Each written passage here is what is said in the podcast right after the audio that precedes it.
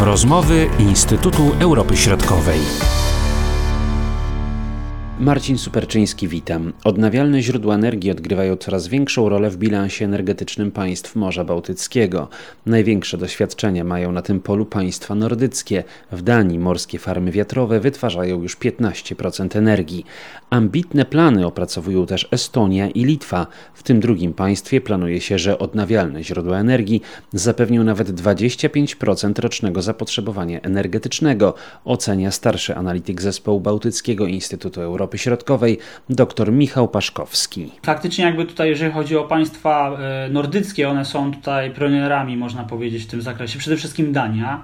E, Dania już od 1991 roku rozwija morskie farmy wiatrowe, które jakby tutaj odgrywają coraz większą rolę i będą jakby w planach poszczególnych rządów odgrywać w przyszłości.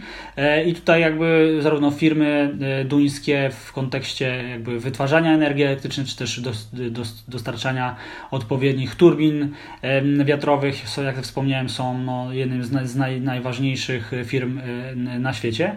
No i tutaj oczywiście poszczególne państwa mają swoje plany. Jest to w jakiś sposób uzależnione od e, działań Komisji Europejskiej, jakby na rzecz e, tutaj zmniejszania emisji dwutlenku węgla i, i wiele państw właśnie jakby rozważa z jednej strony budowę elektrowni jądrowych, a z drugiej właśnie jakby od, tutaj różnego rodzaju formy odnawialnych źródeł energii, w tym właśnie morskie farmy wiatrowe może iść w parze ze sobą, bo z jednej strony no, mamy te odnawialne źródła energii, ale z drugiej strony no właśnie też energia atomowa, jak w przypadku Estonii na przykład, jak rozmawialiśmy jakiś czas temu, właśnie o tych pomysłach, które tam powstają i takich koncepcjach, które się y, tworzą. Czy te rodzaje energii powinny być, czy też mogą być wytwarzane obok siebie? W przypadku Estonii i też na przykład Polski, które jakby rozważa budowę elektrowni jądrowej, ale także właśnie morskich farm wiatrowych, jest to w dużej mierze uzależnione od bilansu energetycznego, gdzie dużą rolę odgrywają w Polsce akurat tutaj węgiel, w kontekście Estonii tutaj łupki bitumiczne, które są porównywalne tak naprawdę do węgla, z którego też się wytwarza dużą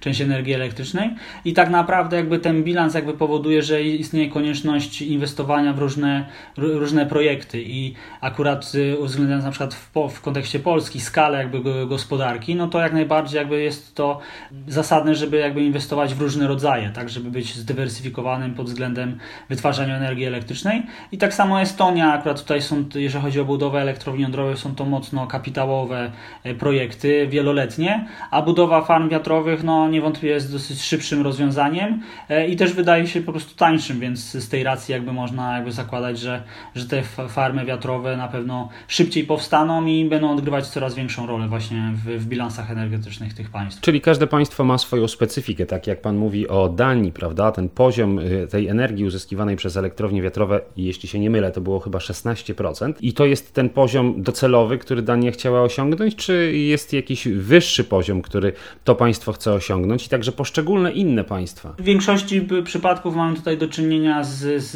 jakby działaniami na rzecz w ogóle bycia neutralnym klimatycznie, tak? czyli jakby zeroemisyjnym, stworzenia jakby właśnie zielonej gospodarki e, i to powoduje, że tak naprawdę jakby ten cel, który jakby oczywiście jakby Dania ma, on pewnie będzie ewoluował i będzie jeszcze tak naprawdę w przyszłości można przewidywać, że jeszcze większą rolę będzie odgrywać. Co ciekawe, Dania jest też jednym z e, producentów ropy naftowej i gazu ziemnego na Morzu Północnym, ale już podjęto decyzję, że będzie rezygnować z rund licencyjnych i w perspektywie bodajże 2030 roku już nie będzie będzie w ogóle wydobycia e, tych surowców z Morza Północnego, więc w odpowiedzi na to no, musi coś robić. Tym jest właśnie e, odnawialne źródła energii e, i ten farmy wiatrowe mając jakby największe doświadczenia jakby tutaj w regionie, jakby pewnie będą odgrywać właśnie jakby kluczową, kluczową tutaj rolę.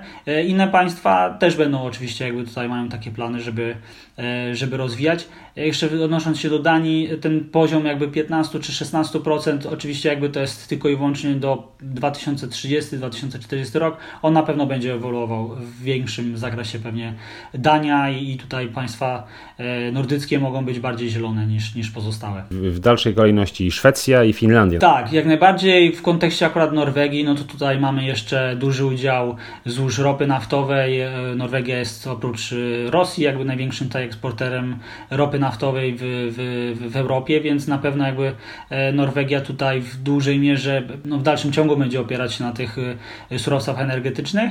Natomiast niewątpliwie rozwój i te plany, jakby, które są związane z, z tymi morskimi farmami wiatrowymi, na pewno spowoduje, że ta emisja CO2 w w porównaniu jakby w, w, ogólnym jakby bilansie na pewno będą e, mniejsze. A jeśli chodzi o takie państwa jak Łotwa i Estonia yy, i Litwa, prawda, o Estonii już e, wspominaliśmy nieco, ale jak to na przykład wygląda z punktu widzenia właśnie Litwy, Łotwy? Tak, jeżeli chodzi o Litwę, to niewątpliwie jest to wśród państw bałtyckich najbardziej zaawansowane w państwo, jeżeli chodzi o budowę właśnie farm wiatrowych. Zostały wprowadzone ustawy w ogóle przy, przygotowujące ustawodawstwo jakby w kierunku budowy właśnie morskich farm wiatrowych E, tutaj między innymi e, można powiedzieć, że od 1, 1 lutego 2023 roku jest przewidziane przeprowadzenie rundy przetargowej, w której będą mogły wziąć udział firmy z całego świata i które będą mogły właśnie jakby budować e, te farmy wiatrowe na Litwie, więc Litwa akurat z tych wszystkich państw, jak wspomniałem, są najbardziej, jest najbardziej zaawansowana.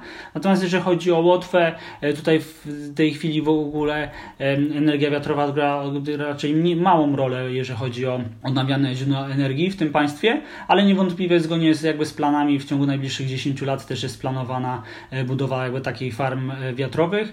No i też e, Łotwa tutaj współpracuje z Estonią, jakby podpisano porozumienie w sprawie budowy właśnie farmy wiatrowej w Zatoce Ryskiej i przewiduje się, że ten projekt jakby zwiększy współpracę regionalną oraz bezpieczeństwo energetyczne tych, tych państw. W Rosji tego typu pomysły się nie pojawiają, bo w sumie obwód kaliningradzki no, graniczy zarówno z Litwą, jak i z Polską i tutaj też te warunki e, wydają się dosyć dobre, ale podejrzewam, że e, decyzje polityczne są zupełnie inne. Tak, zdecydowanie jakby inwestycje idą w, w innym kierunku. Rosja ma e, farmy wiatrowe, ale niestety nie wiem w jakich lokalizacjach, ale akurat tutaj też oczywiście jakby planują w jakiejś w, w perspektywie 2030 roku, żeby być rozbudować ten, ten, ten przemysł, ale no tutaj pewnie w ograniczonym zakresie nadal jakby tutaj główną rolę będą odgrywać surowce energetyczne, czyli ropa naftowa i gaz ziemny. Jakie wielkości tutaj poszczególne państwa chcą osiągnąć? Czy możemy coś y, powiedzieć więcej o tych wskaźnikach, które mają być y, osiągnięte, tak procentowo nawet, y, prawda? Czy ogólnie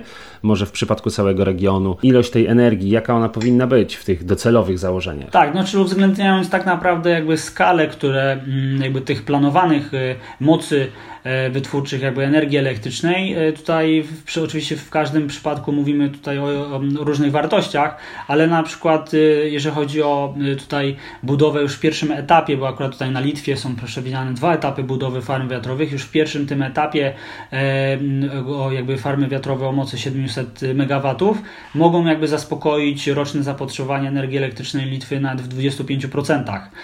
Tak samo jakby w pozostałych jakby tutaj państwach, między innymi w Estonii tutaj e, farmy planowane, jakby e, farmy wiatrowe jakby mogą e, jakby docelowo nawet w 50% pokrywać roczne zapotrzebowanie energii tutaj w energii elektrycznej w Estonii. Więc mówimy jakby o takich skalach, bo po prostu jakby zużycie tej energii elektrycznej jest oczywiście relatywnie jakby mniejsze w porównaniu na przykład do Polski czy do innych państw regionu, a te jakby skala tych inwestycji jest dosyć duża, więc w przypadku faktycznie jakby realizacji tych, tych inwestycji to e, ten jakby farmy wiatrowe, morskie mogą odgrywać bardzo dużą rolę w tym bilansach energetycznych. Są jakieś zagrożenia dla tych przedsięwzięć? Gdzie tutaj mogą pojawić się jakieś bariery, ograniczenia, trudności, które uniemożliwią y, osiągnięcie tych y, założonych wielkości? Brak y, odpowiedniego ustawodawstwa to na pewno będzie jakby zniechęcał firmy energetyczne do inwestowania i nawet brania udziału w tego typu przetargach, które są